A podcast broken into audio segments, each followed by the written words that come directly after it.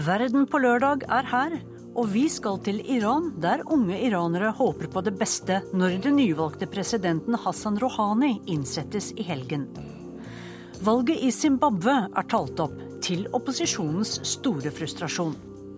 Journalisten Pål Refsdal har bodd med jihadister i Syria i seks uker.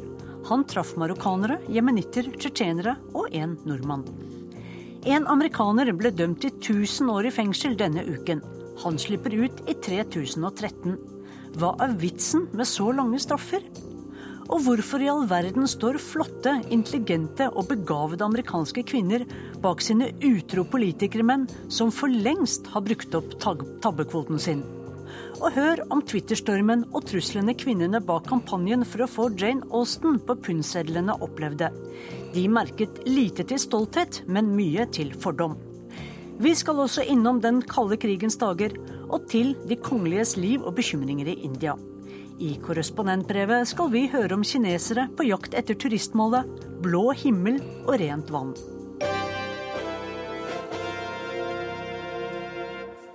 I studio Sissel Wold. Denne helgen er historisk for iranerne, for Hassan Rohawi innsettes som ny president. I åtte år har Mahmoud Ahmadinejad vært Irans ansikt utad. Nå skal verden og iranerne forholde seg til Rohani. Politikeren i hvit turban gikk til valg på å bedre økonomien og Den islamske republikkens forhold til resten av verden. Midtøsten-korrespondent Sigurd Falkenberg Mikkelsen har snakket med iranere i Teheran om forventningene til den nye presidenten. It's yet um, not yet ready, but no, I will I will show you I will showing Ali Sajadi er dokumentarfilmskaper og selverklært multikunstner. Han tar bilder, spiller gitar, og han har laget en TV-serie der han inviterer folk til et gravkammer for å snakke om liv og død. Tanken er at der kan ingen lyve. Vi derimot treffer ham i hans leilighet, som også fungerer som et studio i den nordlige delen av Teheran. Han sier han er optimist når det gjelder valget av en ny president, og tror Hassan Rouhani kan endre landet. Det er en liten følelse av slik det var med Mahmoud Khatami i luften. Den reformvennlige presidenten som regjerte på slutten av 1990-tallet og begynnelsen av 2000-tallet. Uh, I think Mr. Rouhani, he's do something. Yeah, he's gonna definitely he's gonna do something. And for sure, I'm optimist. But my happiness, my life, my own life, it's not dependent on him. Mm. What, what kind of things are you hoping he will change? I think I think the way that he's going to communicate with the people. Jeg tror Rouhani kommer til å gjøre noe, og jeg er absolutt optimist. Men min lykke avhenger ikke av ham. Jeg tror måten han snakker med folk på blir noe av det viktigste, og særlig hvordan han snakker med våre naboer. Akkurat nå er det ikke noe godt forhold, sier han. Det er et aktivt kaféliv i denne delen av byen, og rundt midnatt treffer jeg tre andre fra Teherans øvre middelklasse som ikke er like optimistiske. De har sett for mye politikk til å engasjere seg skikkelig. من خیلی به سیاست اهمیتی نمیدم و فکرم نمی کنم خیلی تغییر عمده ایجاد بشه و خیلی احساس خوشحالی هم Jeg er ikke så interessert i politikk, og jeg er ikke særlig fornøyd. Jeg tror ikke det blir store endringer, sier Røyksana Faromarsi. Men om ikke annet så regner hun med at det blir bedre enn under forgjengeren Mahmoud Ahmedinejad, som ikke står høyt i kurs her. شاید یک کمی ولی نه اونقدر که بگم خیلی اوضاعمون بهتر میشه نه واقعا فکر نمی Jeg er litt optimistisk, men dette er ikke som det var under Katami. Men kanskje kan vi ha litt håp nå, sier hun. یه ذره بهتر از دوره احمدی نژاد شاید شاید Rouhani er geistlig, den eneste av presidentkandidatene som hadde slik bakgrunn. Og i mangel av en bedre reformkandidat sluttet mange unge og misfornøyde velgere seg opp om ham. Så mange at han vant valget allerede i første runde med rent flertall. Under valgkampen tok han til orde for å bedre forholdet til resten av verden og forsøke å få lempet på sanksjonene. Det igjen innebærer et gjennombrudd i forhandlingene om Irans atomprogram. Og der er det Ayatollah Ali Khamenei, landets øverste leder og mektigste mann, som har det avgjørende ordet. Og for den konservative delen av landet som ikke stemte på Rouhani, og som er skeptiske til ham, er Ali Khamenei en garantist for at ting vil fortsette som før.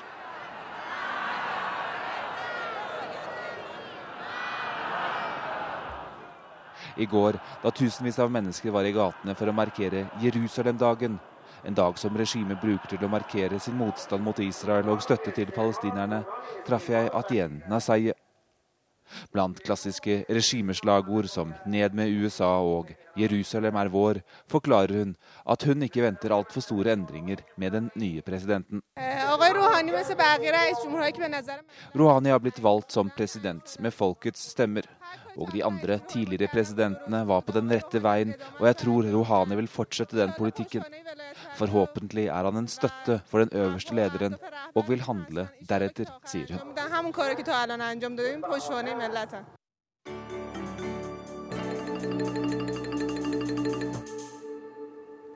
Valgresultatet fra Zimbabwe viser at president Robert Mugabe og hans parti har vunnet en klar seier. Regjeringspartiet Sano PF vant 180 av 210 seter i nasjonalforsamlingen. Opposisjonsleder Morgan Svangerai kaller valget for en farse, og hevder at to millioner døde personer ble, ble registrert som velgere. Nå skal opposisjonen ut i gatene for å protestere mot resultatet. Men lederen for valgobservatørene for Den afrikanske union derimot sier til BBC at han aldri har sett et mer perfekt valg. Og Afrikakorrespondent Lars Sigurd Sunnanå, hvem er det vi skal tro på? Hvis vi skal tro en stor frivillig organisasjon som hadde mer enn 7000 observatører ute i stemmelokalene, så sier den at valget har vært alvorlig kompromittert. At rundt én million registrerte velgere ikke fikk slippe frem til urnene i byområder og kretser der Morgan Tsvangirai og hans parti har de fleste av sine tilhengere. Og lederen for Den afrikanske unions observatørkorps, Olosegun Obasanjo, var jo ikke på noen måte noe demokratisk fyrtårn mens han regjerte som president i Nigeria. Det kan synes som om observatørene både fra Den afrikanske unionen og SADEC, samarbeidsorganisasjon for 15 land i det sørlige Afrika, har sett hva de har fått beskjed om å se i en regional politisk sammenheng. Zimbabwes naboland, med Sør-Afrikas president Jacob Zuma i spissen, har ikke hatt noe påtrengende ønske om å skifte ut Robert Mugabe nå. Det får komme senere, når naturen har gått sin gang. Ja, Mugabe er jo 89 år og har sittet med makten i 33 år, både som statsminister og president. Hvordan er helsen hans? Ja, Han dupper rett som det av i viktige møter, men han har men han er høyst oppegående i andre sammenhenger, som når han kan skjelle ut homoseksuelle og vestlige imperialister, Morgan Svangerai og annet kryp, som han kalte dem sammenhengende i to timer på sitt siste folkemøte før valget. Men arvestriden i partiet hans er allerede i full gang. Der er Zimbabwes kvinnelige visepresident Joyce Mojoro i ferd med å bli skjøvet til side av forsvarsministeren Emerson Nangagwa og hans innflytelsesrike generaler. Med dette store flertallet så kan president Mugabe endre grunnloven. Kommer det endringer, tror du? Ja, realiteten i partiets prakseier er at det vil være i stand til å endre konstitusjon etter behov i årene frem til neste valg i Zimbabwe. Det behøver ikke å komme umiddelbare endringer, men muligheten har Mugabe og regimet hans sikret seg fullt ut.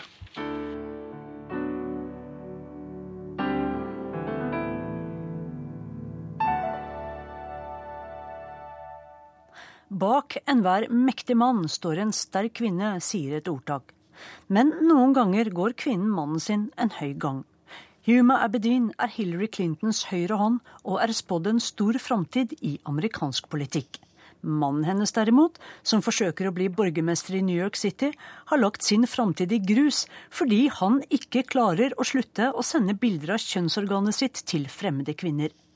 Men likevel stiller Huma Abedin opp for Anthony Weiner. Hvorfor, spør de fleste andre kvinner seg.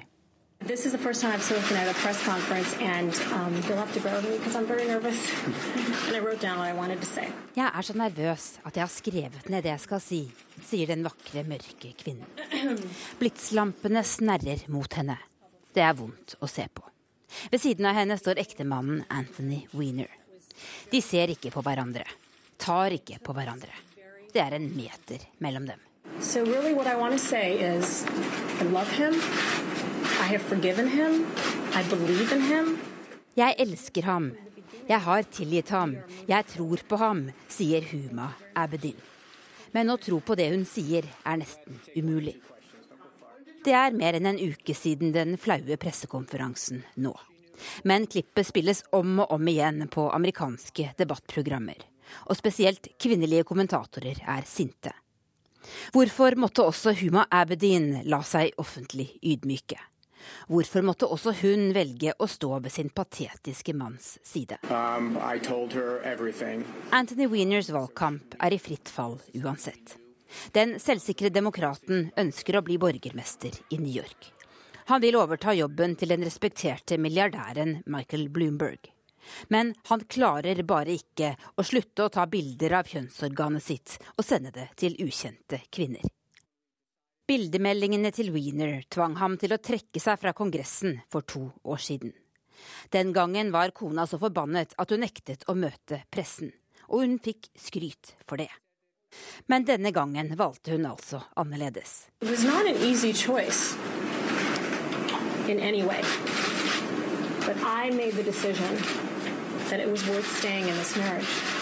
Huma Abedin er en av de mest spennende kvinnene i amerikansk politikk.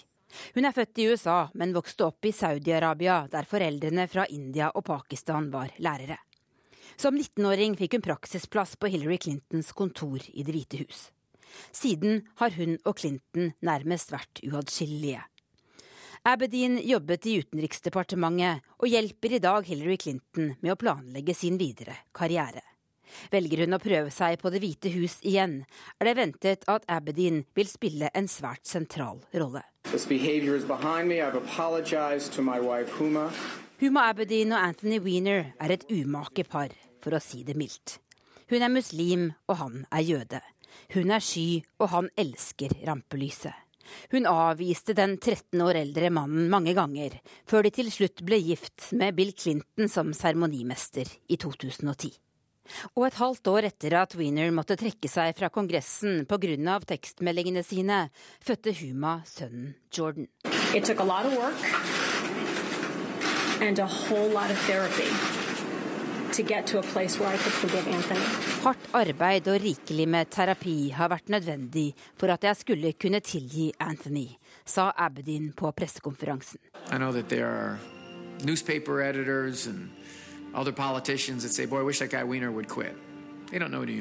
Mannens politiske karriere ligger for øyeblikket i grus, selv om han, newyorker som han er, nekter å trekke seg fra valgkampen. Nå spør altså mange hvorfor Huma Abedin måtte la seg offentlig ydmyke. Hvem ga henne rådet om å stå ved sin manns side? Kan det ha vært sjefen? When this woman first got caught up in these charges, felt, as I felt about all of these women, that you know they've just been minding their own business and they got hit by a meteor. I mean, no fault of their own. I 1992 reddet Hillary Clinton stumpene av sin manns presidentkampanje da hun stilte i programmet 60 Minutes med grønn hårbøyle og forsvarte Bill Clinton mot anklager om at han skulle ha hatt et forhold til journalisten Jennifer Flowers. Og under Lewinsky-saken stilte hun igjen opp, selv om det var vanskelig, forklarte hun i et TV-intervju i 2008. I really had to dig down deep and think hard about det er slik politiske koner i USA oppfører seg. Silda Spitzer hvis mannen hadde deltatt i en prostitusjonsring. Og nå avdøde Elizabeth Edwards, som ble bedratt av mannen John, selv da hun hadde kreft med spredning. Hillary Clinton sa dette da hun en gang ble spurt om å gi råd til andre kvinner som er blitt bedratt av sine menn. I say you have to be true to yourself. -hmm. You know, no one story is the same as any other story. -hmm. Hillary Clintons standhaftighet har ført henne lenger enn noen annen kvinne i amerikansk politikk. Så får vi se om det samme blir tilfellet for Huma Abedin. Kollega Tove Bjørgaas om kvinner og menn i amerikansk politikk.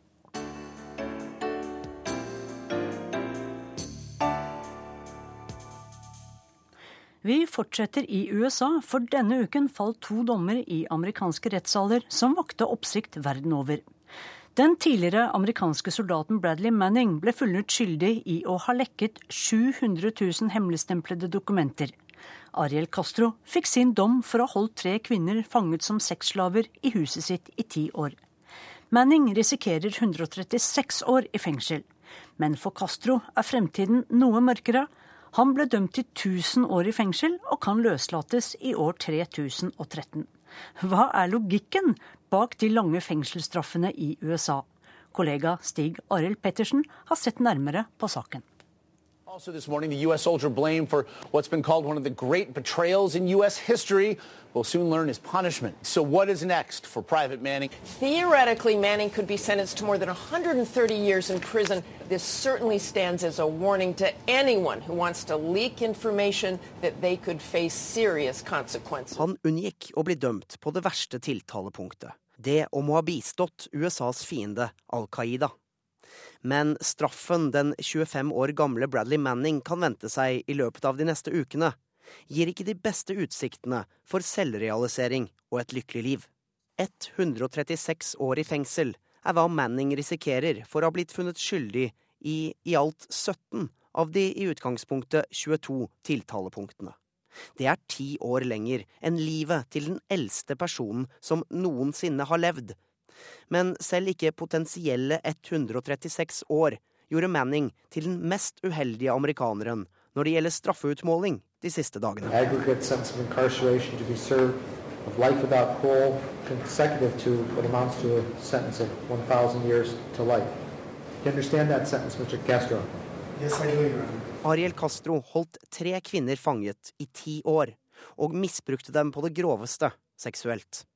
For dette ga dommeren ham en livstidsstraff uten prøvetid.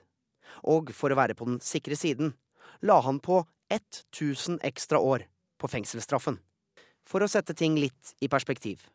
Går vi 1000 år tilbake i tid, gjensto det ennå et par år før Olav Haraldsson, senere Olav den hellige, ble kronet til Norges konge. Så hvorfor de strenge straffene, jusprofessor ved Universitetet i Bergen og strafferettsekspert Jørn Jacobsen? USA har et litt annet syn på hva straff er for noe. Straff skal i mye større grad være et hevnaspekt, vil Si et uttrykk for en slags gjengjeldelse som skal markere eh, den krenkelsen som er begått. Og Det har ledet til at man gradvis og gradvis har fått et veldig høyt straffenivå i USA. De fleste vil jo bare le av en straff på flere tusen år.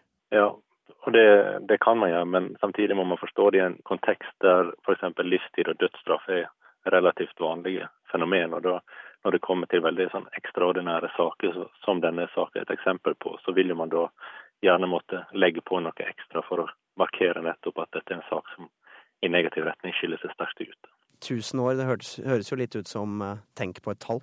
Ja, det kan gjøre. Og her har man vel sannsynligvis bygd på et slags sånn kumulasjonsprinsipp der man har lagt sammen straff for ulike av de mange krenkelser som man har begått. Men da kanskje funnet et slags, et slags symbolsk uttrykk nettopp i dette tusenårstallet. Kumulasjonsprinsippet, sier professor Jacobsen. Et prinsipp vi for øvrig ikke har i norsk rettspraksis.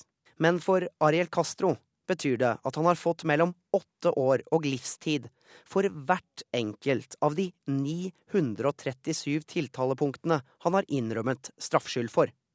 Slikt blir det fort 1000 år av. Få slike fengselsstraffer sones fullt ut. Symboleffekten er det viktigste. Ariel Castro må på sin side belage seg på å bli sittende i fengsel til han dør. By the terms of this agreement, this man is going to for the rest of his is never coming out except nailed in a box or a, uh, an ash can. He is not stepping out. Castro gikk nemlig med på at han ikke skulle få mulighet til prøveløslatelse i bytte mot at han innrømmet straffskyld, og dermed slapp en rettssak som kunne ført til dødsstraff. Men hvis du lar deg sjokkere av Ariel Castros dom på 1000 år bak lås og slå, skal du vite at det er langt fra noen rekord verken i USA eller i resten av verden. I Iran ble tre svindlere i 1969 dømt til 7109 år i fengsel. Ett år for hvert lovbrudd. Floridas mest beryktede seriemorder, Bobby Joe Long, ble i 1985 dømt for voldtekt av 50 kvinner og drap på halvparten av dem. Straff 25 livstidsdommer, 99 år ekstra i fengsel og en dødsstraff på toppen av det hele. I 1981 ble Dudley Kaiser dømt for å ha drept sin kone, svigermor og enda en person. Straff to livstidsdommer pluss 10 000 år. Men verdensrekorden i kumulativ straff går noe overraskende til Spania. I 1972 ble den da 22 år gamle Gabriel Granados dømt til 384 912 år i fengsel. Forbrytelsen? Den unge postmannen hadde forsømt seg i leveransen av i alt 42 000 brev.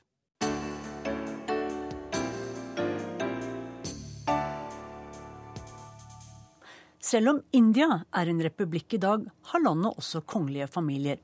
Og som ellers i verden er kongestoff noe som engasjerer. Denne uken ble to prinsesser 25 milliarder kroner rikere. Og det, etter, det 21 år etter at deres far, maharajaen av Faridkot, døde. For en indisk rett bestemte at det testamentet han skulle ha etterlatt seg, var en forfalskning. It was a grand and colorful ceremony to coronate Jaipur's new Maharaja. 12-year-old Padmanabh Singh inherits a title that's no longer recognized by law as India's royalty was stripped of titles in the early 1970s. Kroningsseremonier er fremdeles godt stoff i India.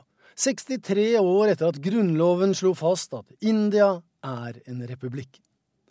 Det samme gjelder kongelig bryllup. Når en arveprins i én stat gifter seg med en maharaja-datter fra en annen stat, så er det alltid en stor begivenhet som får bred omtale i kjendisblader og sladrespalter. The position of power and influence that the Maharajas held made them a dominant cultural force throughout India's history.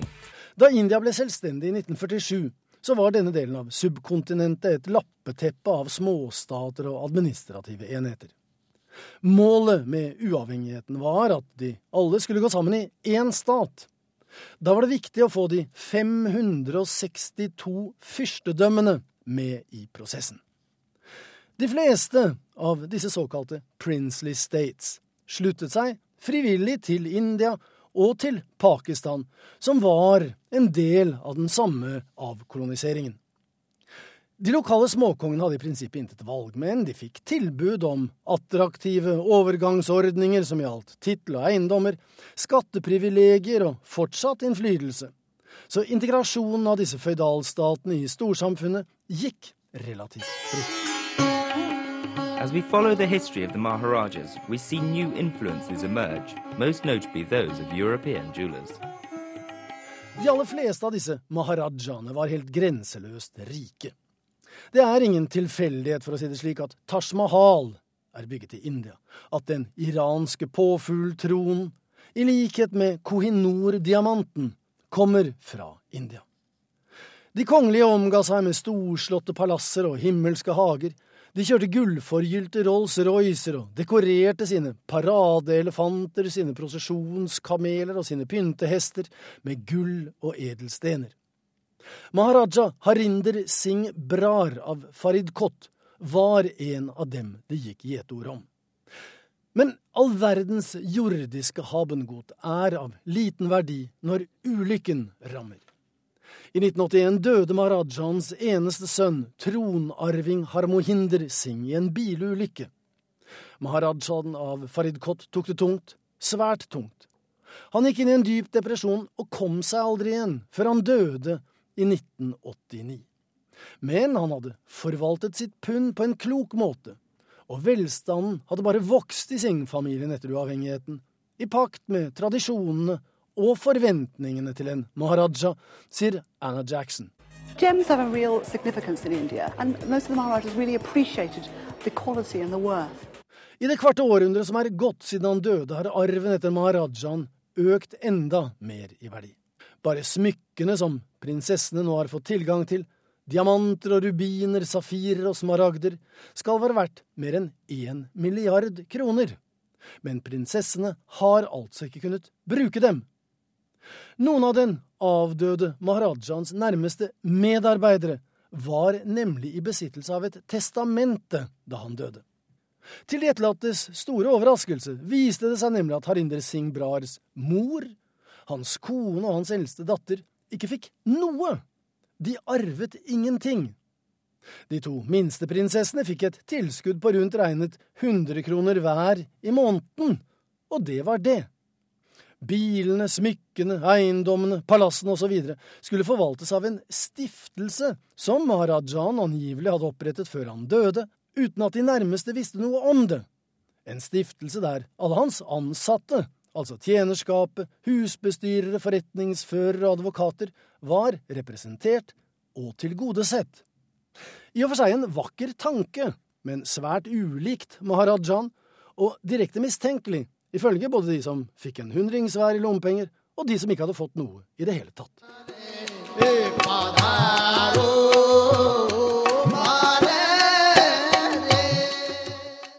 Historien er lang og har vart i mer enn 20 år, men kortversjonen er altså at de gjenlevende prinsessene, nå begge i 80-årsalderen, har vunnet en foreløpig seier.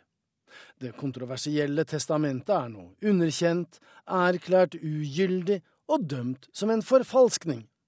I prinsippet er prinsessene altså en 10-12 milliarder kroner rikere hver seg. Prosessen har kostet, og noen milliarder er forduftet. Nå skal det sies at prinsessene har vært godt gift, så selv om de bare fikk 100 kroner i lommepenger i måneden, så har det ikke lidd noen nød. Men selv om seieren må være søt, så er den muligens midlertidig for stiftelsen antyder at den vil anke. Testamentet er ekte, er deres påstand, og de hevder at de kan bevise det. Så etter et kvart århundre venter, etter alt å dømme, nye rettssaker. Og den indiske rettskvernen maler, som man forstår, uendelig langsomt. Så langsomt at alle de opprinnelig involverte fra gammel Maharajans dager etter alt å dømme er gått ut av tiden når en rettskraftig dom foreligger en eller annen gang i fjern fremtid.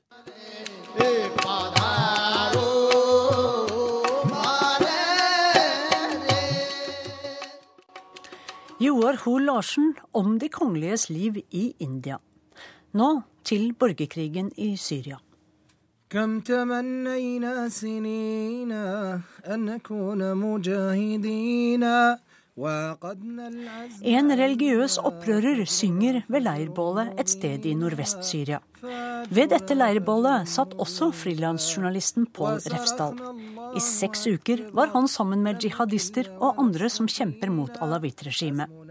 I Vesten og av Bashar al-Assad omtales de mest religiøse gruppene som terrorister. Men ditt prosjekt Pål Refsdal, er å vise deres menneskelige ansikt. Og hvem var du hos? Ja, altså, det, Dette var religiøse grupper. Eh, det var eh, noen Al Qaida-folk inni de gruppene. Eh, det kom stadig vekk folk fra Al Qaida også, men de, disse gruppene var ikke formelt Al Qaida. Og det, sånn, Al Qaida det er ikke hvem som helst som kan bruke det navnet, det er en ganske eksklusiv klubb. Og i, i, i, Syria så er det kun én gruppe som kan bruke det navnet, og det er Jabhat al-Nusra.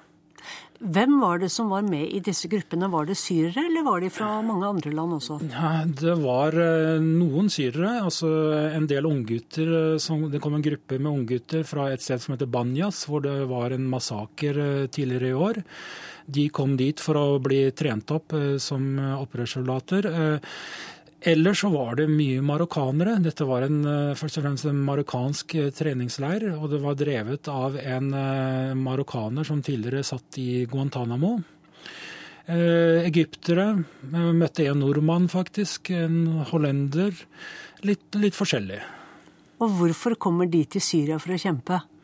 Ja, altså Det med Syria det, det er litt spesielt for uh, muslimer. og det, det, det, har en spesiell religiøs betydning å kjempe i Syria.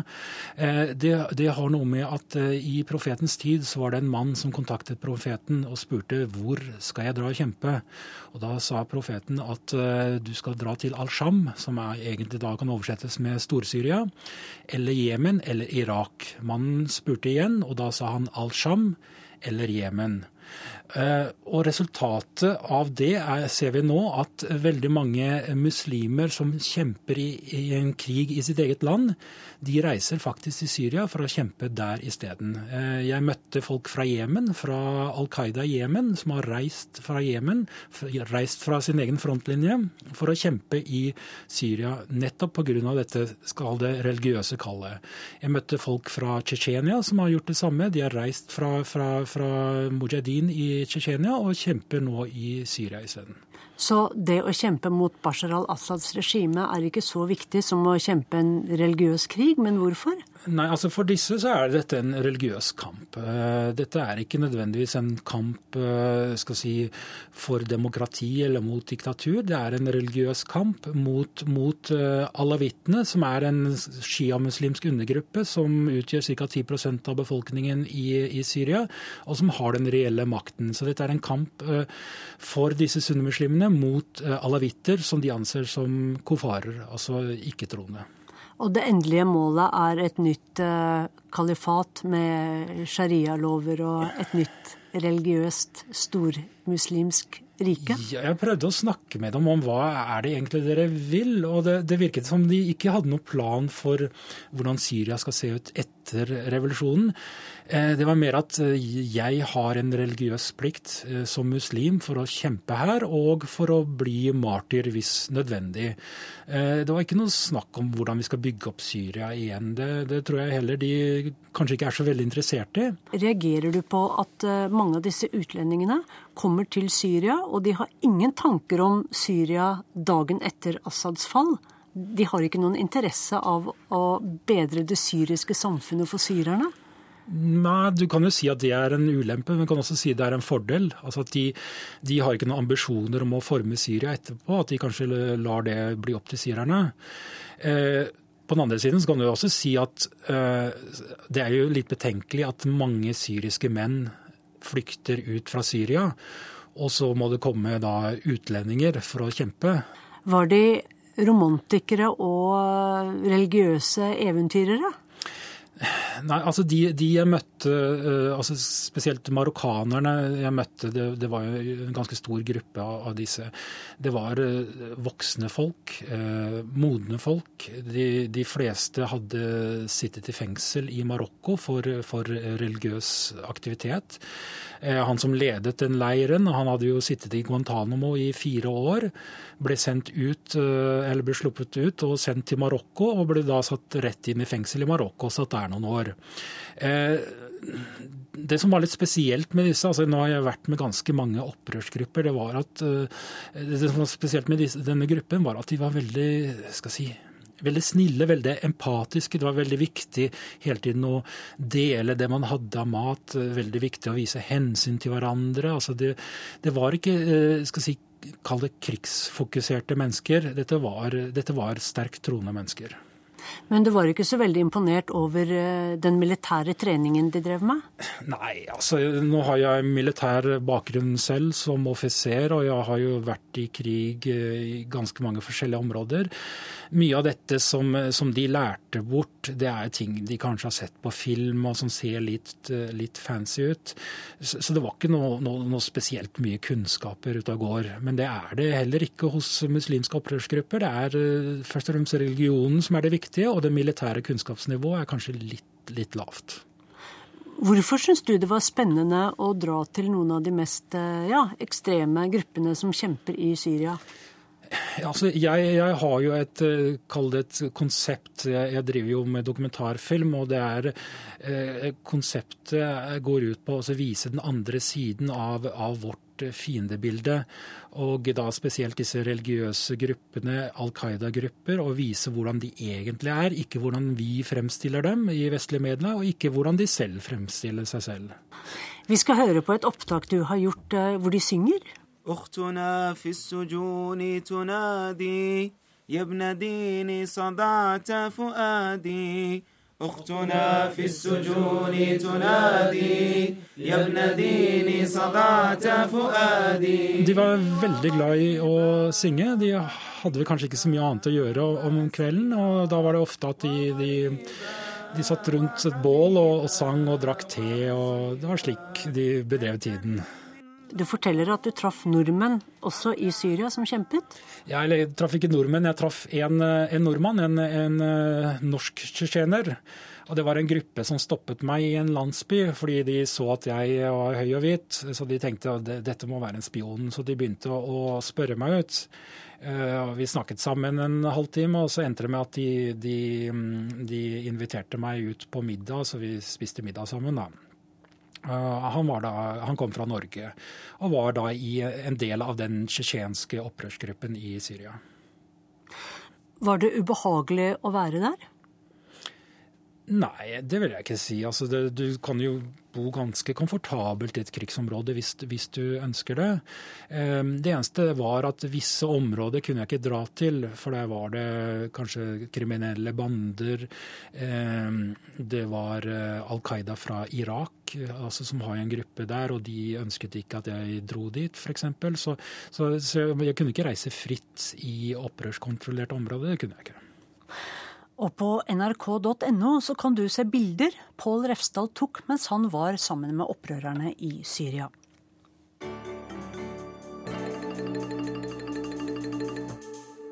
Vi skal til den kalde krigens dager og til et dystert jubileum som markeres i Berlin. For 60 år siden gjorde fangene i en av Stalins verste arbeidsleirer i Sibir opprør. En oppstand som ble brutalt slått ned. Mange av fangerne var tyskere som var i konflikt med det østtyske kommunistregimet. Flere av dem minnes tiden i Gulag nå.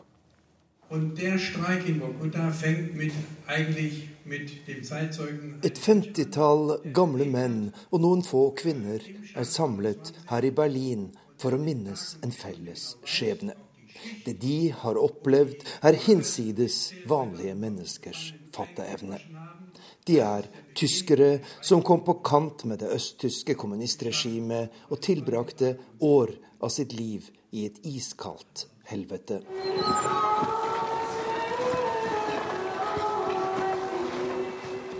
Fangeleiren Vorkota i Sibir var en av de verste i Josef Stalins beryktede leirsystem Gulag.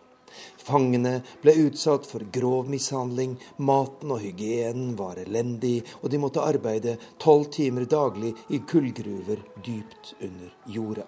Hit til Vorkota kom den østtyske studenten Horst Hennig i begynnelsen av januar 1951. Og noe av det han husker best, var den bitende kulda. Es gibt Leute, die sagen, es gibt zwölf Monate Winter und der Rest ist Sommer. Aber das ist nicht. Man pleide å si at i Vorkota var det tolv måneder vinter og resten sommer. Så galt var det ikke, men klimaet var forferdelig, med ti måneder vinter da temperaturen lå mellom 30 og 50 minusgrader. I en slik kulde var det ingen vits i å tenke på å rømme, for ingen ville ha overlevd en flukt over tundraen, sier den i dag 86 år gamle Horst Hennig. Han ble sendt til Sibir etter en konflikt med myndighetene i det kommunistiske DDR mit weiteren Studenten an der Martin-Luther-Universität zu Halle-Wittenberg äh, äh, Sammen med andre studenter ved Martin Luther-universitetet i Halle og Wittenberg ble jeg stilt for en sovjetisk militærdomstol. Vår forbrytelse var at vi hadde protestert mot valget av ny ledelse ved universitetet, et valg som etter vår mening var totalt udemokratisk. Vi fikk ingen forsvarer, og da dommen på 25 års tvangsarbeid i Sibir ble forkynt, fikk vi ikke anledning til å anke. Vi fikk heller ikke kontakte familiene våre, forteller Horst Hennig.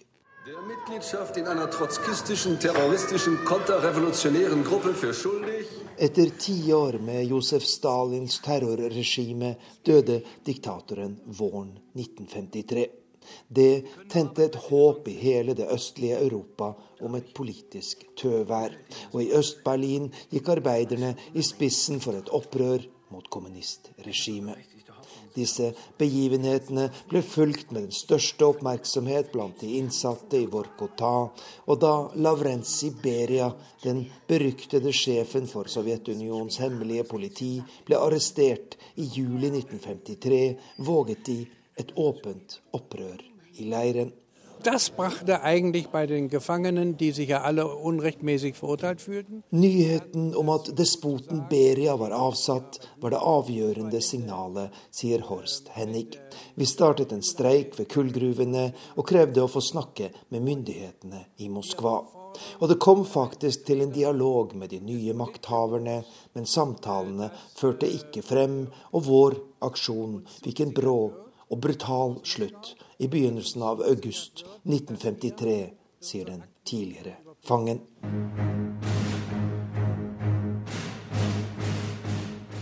Massakren i Vorkota for 60 år siden er skildret i en rekke filmer og bøker, og er til og med et tema for det kjente videospillet Call of Duty.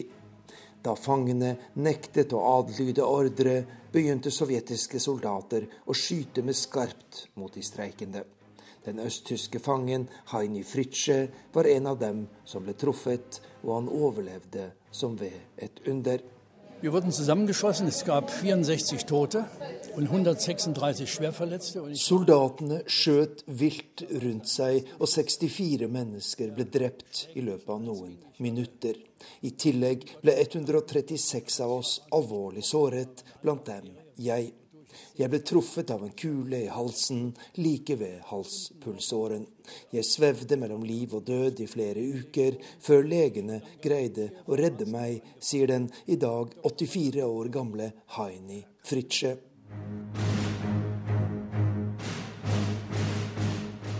Men selv om opprøret i Vorkota endte i et blodbad, så ble faktisk forholdene noe bedre i leiren og i 1955 ble det gjort en avtale mellom vesttyske og sovjetiske myndigheter om å frigi de tyske fangene. De fleste dro til Vest-Tyskland, der mange gjorde karriere. Horst Hennig bosatte seg i Köln, der han ble en kjent lege, mens Heini Fritsche ble politisjef i Bonn. Men de grusomme årene i Sibir har satt et sterkt preg på deres liv.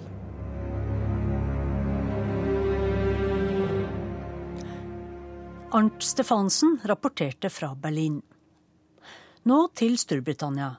For et forslag om å ha flere kvinner på de britiske pengesedlene har endt i en stor debatt om netthets. Ja, forslaget vakte så kraftig sinne hos enkelte nettbrukere at de truet med både vold og seksuelle overgrep mot kvinnen som sto bak forslaget om å hedre forfatteren Jane Austen. Mr. Dawes? Miss Bennett, I, I did not expect to see you. Et følelsesladet møte mellom Mr. Darcy og Miss Elizabeth Bennett i en filmatisert versjon av Stolthet og fordom. En klassiker fra den kjente britiske forfatterinnen Jane Austens penn. Lite ante vel hun om at både stolthet og ikke minst fordommer skulle dominere nyhetsbildet pga. hennes navn over 200 år senere, i forbindelse med en kampanje for å få flere kvinner på de engelske pengesedlene. Um, Signalet banken sender er at det bare er menn som har oppnådd store ting, argumenterte feminist og spaltist Caroline Criado Perez da det ble klart at den engelske sentralbanken skulle trykke bilde av tidligere statsminister Winston Churchill.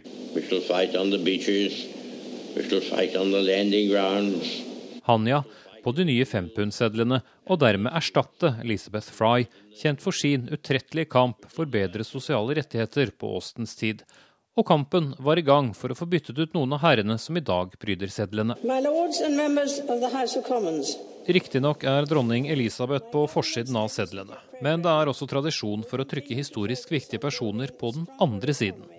I dag finner vi vitenskapsmannen Charles Darwin på tipundseddelen, økonomifagets far Adam Smith på 20-pundseddelen, mens 50-pundseddelen har bilder av ingeniørene Matthew Bolton og James Watt. Den reneste herreklubben som snart skulle bli komplett med Winston Churchill.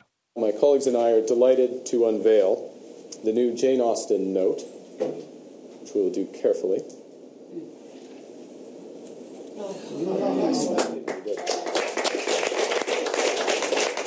Feministkampanjen bar frukter, og enda en ny pengeseddel ble presentert. Charles Darwin, mannen bak evolusjonsteorien om at den sterkeste overlever, måtte vike plass for nettopp Jane Austen på tipundseddelen. Til jubel hos de som ledet kampanjen, men så veltet det frem mye annet, langt unna jubel. For på mikrobloggnettstedet Twitter mottok Caroline Criado Perez reaksjoner. Sterke reaksjoner på kampanjen for flere kvinner på pengesedlene. Det var drapstrusler, det var voldtektstrusler, og det i stort monn. 50 i timen. Well, initially the response was really positive, and I, I was inundated with congratulations, and that was really lovely. Um, but then some different uh, messages started coming through, and um, obviously I can't repeat them on air because they were extremely graphic. But det begynte med hyggelige tilbakemeldinger, forteller hun, men så kom det andre ting. Jeg kan ikke gjengi ordlyden på luften fordi detaljene er for beskrivende og for groteske. For det å drive kampanje for å få bilder av flere kvinner på pengesedlene skulle vise seg å bli en svært kontroversiell sak. Ordlyden i noen av meldingene kunne være Møter jeg deg i en bakgate, skal jeg garantert voldta deg, eller Kvinner som snakker for mye, fortjener å bli voldtatt, for å sitere noen av de mildere tvitringene. En 21-åring fra Manchester ble raskt arrestert for å ha fremsatt noen av de groveste truslene, men hetsen var langt fra over. To kvinnelige parlamentsmedlemmer kritiserte truslene og ga sin fulle støtte til Caroline Criado Perez. Kort tid etter kom også trusler rettet mot dem, igjen om vold og voldtekt. Skal vi møtes i nærheten av der du bor? spurte en Twitter-bruker med klar referanse til å voldta den folkevalgte utenfor hennes eget hjem. Tonight, Twitter trolls, mad, sad, or just bad. But the social network is under fire for doing too little, too late. A woman campaigner has been subjected to abusive attacks with threats of rape. And a campaign to honour prominent women on banknotes ends in the campaigner being threatened with rape and abuse on Twitter. Saken ble etter hvert så stor her i Storbritannia at en representant for Twitter til slutt gjorde noe så sjeldent som å stille til intervju om sjikane på nettstedet. Hun fikk spørsmål om ikke tjenesten både burde modereres og sensureres sterkere, uten helt å gi svar på det spørsmålet.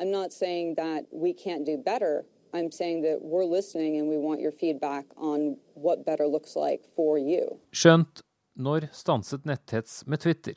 Forsvinner hatmeldingene et sted, så dukker de gjerne opp et helt annet sted. I et kommentarfelt på et annet sosialt medium har toppkommentaren de siste 14 timene vært fra en mann som forteller hvordan han gleder seg til å voldta Crado Perez analt. Debatten har uansett kommet, og problematikken med hat på nettet er satt på dagsorden igjen og for en stund. Ironien i at det var forfatteren av Stolthet og fordom som indirekte skulle sette i gang så mye fordommer, er åpenbar. Sa London-korrespondent Espen Aas.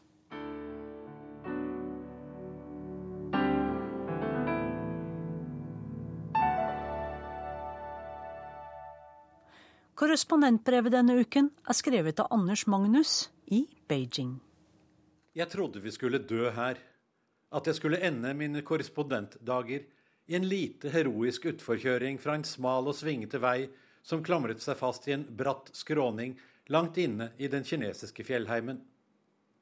Gjennom vinduet på passasjersiden av bilen så jeg hvordan landskapet stupte flere hundre meter rett ned, langs en fryktinngytende kløft hvor den frådende Yangtze-elva herjet i bunnen. Her fantes ikke noe autovern langs veikanten, ikke engang et sett symbolske merkesteiner. Mellom oss og undergangen eksisterte ingen hindringer. Kjør saktere, ropte jeg til sjåføren på mitt svært gebrokne, men likevel forståelige kinesisk. Reaksjonen var nærmest å betrakte som sivil ulydighet. Jo krappere svinger veien tok, og jo brattere og dypere det ble ned til bunnen av kløften, jo mer gasset han på. Skiltene med fartsgrense beordret maks 20 km i timen. Vi fløy av gårde i over 60 langs Hornålssvingene. Det var først da vi skulle tilbake og jeg så den andre siden av veien, at jeg forsto sjåførens reaksjon. Da ble jeg virkelig redd. Mer om dette seinere. Først må jeg fortelle om den idylliske starten på turen i den vakre Yunnan-provinsen. Yunnan, som betyr sør for, eller kanskje heller bortenfor skyene, ligger i Kinas sørvestre hjørne og grenser mot Vietnam, Laos og Myanmar i ofte spektakulære fjellandskap. Vi landet i provinshovedstaden Kunming, tre timers flytur fra Beijing, og satte oss i en bil med kurs sørover, nesten til grensen mot Vietnam. Seks timer på veien tok det oss å nå målet, men det var vel verdt den lange bilturen. I skråningen bortenfor byen Yuanyang finnes et av verdens vakreste menneskeskapte undere. Risterrasser fylt med vann foran plantingen om våren, som glitrer gyllent i morgensola. Etasje på etasje, mykt buet langs buktningene i det bratte åslandskapet. Hit valfarter verdens dyktigste naturfotografer for å knipse overjordisk vakre bilder av et område som søker seg inn på Unescos verdensarvliste. Turister var der også for å bivåne de spektakulære kulturlandskapsscenene, men ikke så mange som man kanskje skulle ha trodd for et så kjent og avbildet sted. Årsaken er nok den lange turen i buss eller bil for å komme dit, ikke at man må humpe seg fram på dårlige kjerreveier. Til de fleste viktige turistmål har kineserne nå bygget flunkende nye veier, og mesteparten av timene tilbrakte vi i stor hastighet på en glimrende autostrada. Problemet er bare at avstandene er så svære i dette kjempedigre landet, og at det ikke er mulig å bygge flyplass når hele landskapet gjennomskjæres av trange elvedaler mellom bratte fjellsider. Da var det lettere å nå neste mål på reisen. Det vil si, først måtte vi jo selvsagt kjøre de seks timene tilbake til flyplassen i Kunming. Deretter fly en time, men så bil i bare én time til inn til byen Lijiang, hvor mye av den opprinnelige kinesiske bygningskulturen er bevart, og hvor nye hus må oppføres i samme stil. Ingen firkantede betongkasser, som ødelegger så mye av resten av Kinas byer. Så vakker er både byen og omgivelsene at turistene strømmer hit til Lijiang i hopetall. En tur i de mange gågatene blir som å svømme i en stri strøm av mennesker. Derfor bosatte vi oss i den ganske mye mindre landsbyen Shuha, litt nord for byen, hvor husene og gågatene var enda vakrere og mer autentiske enn i Lijiang. Også her vrimlet av turister, 95% av dem kinesiske. Selvsagt syntes de det var flott å kunne vandre gater mellom hus som enten var gamle eller bygget i gammel stil. Men størst øyne gjorde turistene fra Kinas storbyer når de så ned i de små kanalene langs gateløpene. Her strømmet vannet rent og krystallklart. Overalt kunne man se bunnen, noe som er en sjeldenhet i Kinas grumsete og forurensede vassdrag. Og når kineserne hadde sett seg mett på vannet og vendte hodet oppover igjen, fikk de øye på et annet forunderlig fenomen blå himmel. Her i Yunnan-provinsens fjellområder er lufta like så krisp og klar som vannet er rent. Et sjeldent syn for storbyboere, som er vant med at et giftig teppe av grågulbrun luft omkranser deres hverdager mellom kullkraftverk og stillestående kjempebilkøer. Jeg fikk se en av storbyturistenes fotografier fra Lijiang som hun skulle vise vennene i Beijing. På alle bildene var hovedmotivet blå himmel. Steder med frisk luft og rent vann har enorm tiltrekningskraft på moderne kinesere. Derfor øker tilstrømmingen til Lijiang fra år til år. Så for en nordmann som planlegger å besøke stedet, lønner det seg å dra ganske snart.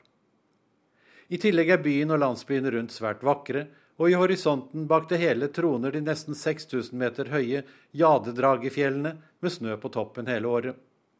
De er en utløper av Himalaya-fjellkjeden som starter for alvor litt lenger nord i provinsen ved grensen mot Tibet. Opp på dette fjellet skal man dersom man er en skikkelig kinesisk turist. Det går buss til fjellets fot og kabelbane til 5000 meters høyde, hvor man kan spasere rundt på en plankesti og få tilløp til høydesyke i den tynne lufta før man tar banen ned igjen. Jeg hadde også lyst til å komme opp der, fjellgeit som jeg er. Men da jeg hørte at turopplegget innebar venting i kø mellom to og tre timer foran kabelbanen, sluknet interessen. I stedet satset jeg på en dagstur til Jadedragefjellets bakside, hvor den tidligere omtalte Kløften skar gjennom fjellmassivet. Formasjonen er gravd ut av en sideelv til Kinas lengste og største flod, Yangtze. Changjiang, den lange elven, kaller kineserne den. Her i Kløften virker den imidlertid mer bråsint enn langsom. På ett sted ute i den strie strømmen ligger en kjempesvær stein. Den deler de buldrende vannmassene i to og skaper meterhøye virvler som tordner inn mot elvebreddene. Her er åstedet for den berømte historien som har gitt navnet. Ho Tiao Xia, kløften som tigeren hoppet over. Legenden forteller at en tiger ble jaget av menneskene, men unnslapp ved å hoppe over elven på det trangeste stedet, der denne tigersteinen ligger men selv her er avstanden over 20 meter, så det måtte ha vært en særdeles sprek tigertype de hadde den gang, for lenge siden. Tigerkløften er kanskje en av verdens lengste, trangeste, dypeste og villeste. I 1980 forsøkte fire raftere å seile gjennom den. De ble aldri funnet igjen. Kløftens dramatiske beliggenhet og historie skal nå brukes for alt det er verdt til å lokke turister både fra Kina og andre land. Derfor holder myndighetene Yunnan nå på å bygge en flott motorvei fra Lijiang nesten helt inn mellom fjellene. Den blir fin og bred, og trolig like trygg som de fleste slike veier i verden. Det er når den smalner av til to felt inn gjennom de stupbratte fjellskråningene at problemene begynner. Denne delen av veien er faktisk alt bygget ferdig, med ny asfalt, men dog uten autovern. Det var her jeg var sikker på at vi skulle dø, da jeg så ned i dypet med den frådende elven i bunnen. På vei hjem forsto jeg endelig hvorfor sjåføren kjørte denne strekningen som om han skulle ha faen sjøl i hælene, selv om jeg ropte at han skulle sakne farten. Veien var noen steder lagt opp på svære fyllinger, andre steder sprengt ut i fjellet. Siden utsikten hjemover var til andre siden av veien, så jeg nå hvordan det fortsatt hang svære steinblokker over store deler av veibanen. Fjellet var sprøtt og med svære sprekker. At det når som helst kunne falle ned, fikk vi bevis for minst seks steder på tilbaketuren, hvor svære blokker alt hadde ramlet ned og sperret den innerste kjørebanen. Sjåføren tenkte åpenbart at nå var det om å gjøre å kjøre så fort at bilen var forbi før steinmassene ramlet ned på oss. Problemet var bare at denne nervepirrende dødsdansen gjennom kløften varte i hele 15 minutter. Både sjåføren og jeg er overbevist om at blant den økende strøm av turister kommer noen til å stryke med i nærmeste framtid når det råtne fjellet faller ned på veien. Men som lytteren og leseren forstår, ble det ikke vår tur til å dø denne gangen. Teknisk ansvarlig for denne verden på lørdagssendingen, Karl Johan Rimstad, skript Bente Alice Westgård, og ansvarlig for innholdet og her i studio Sissel Wold, som ønsker en fortsatt god helg.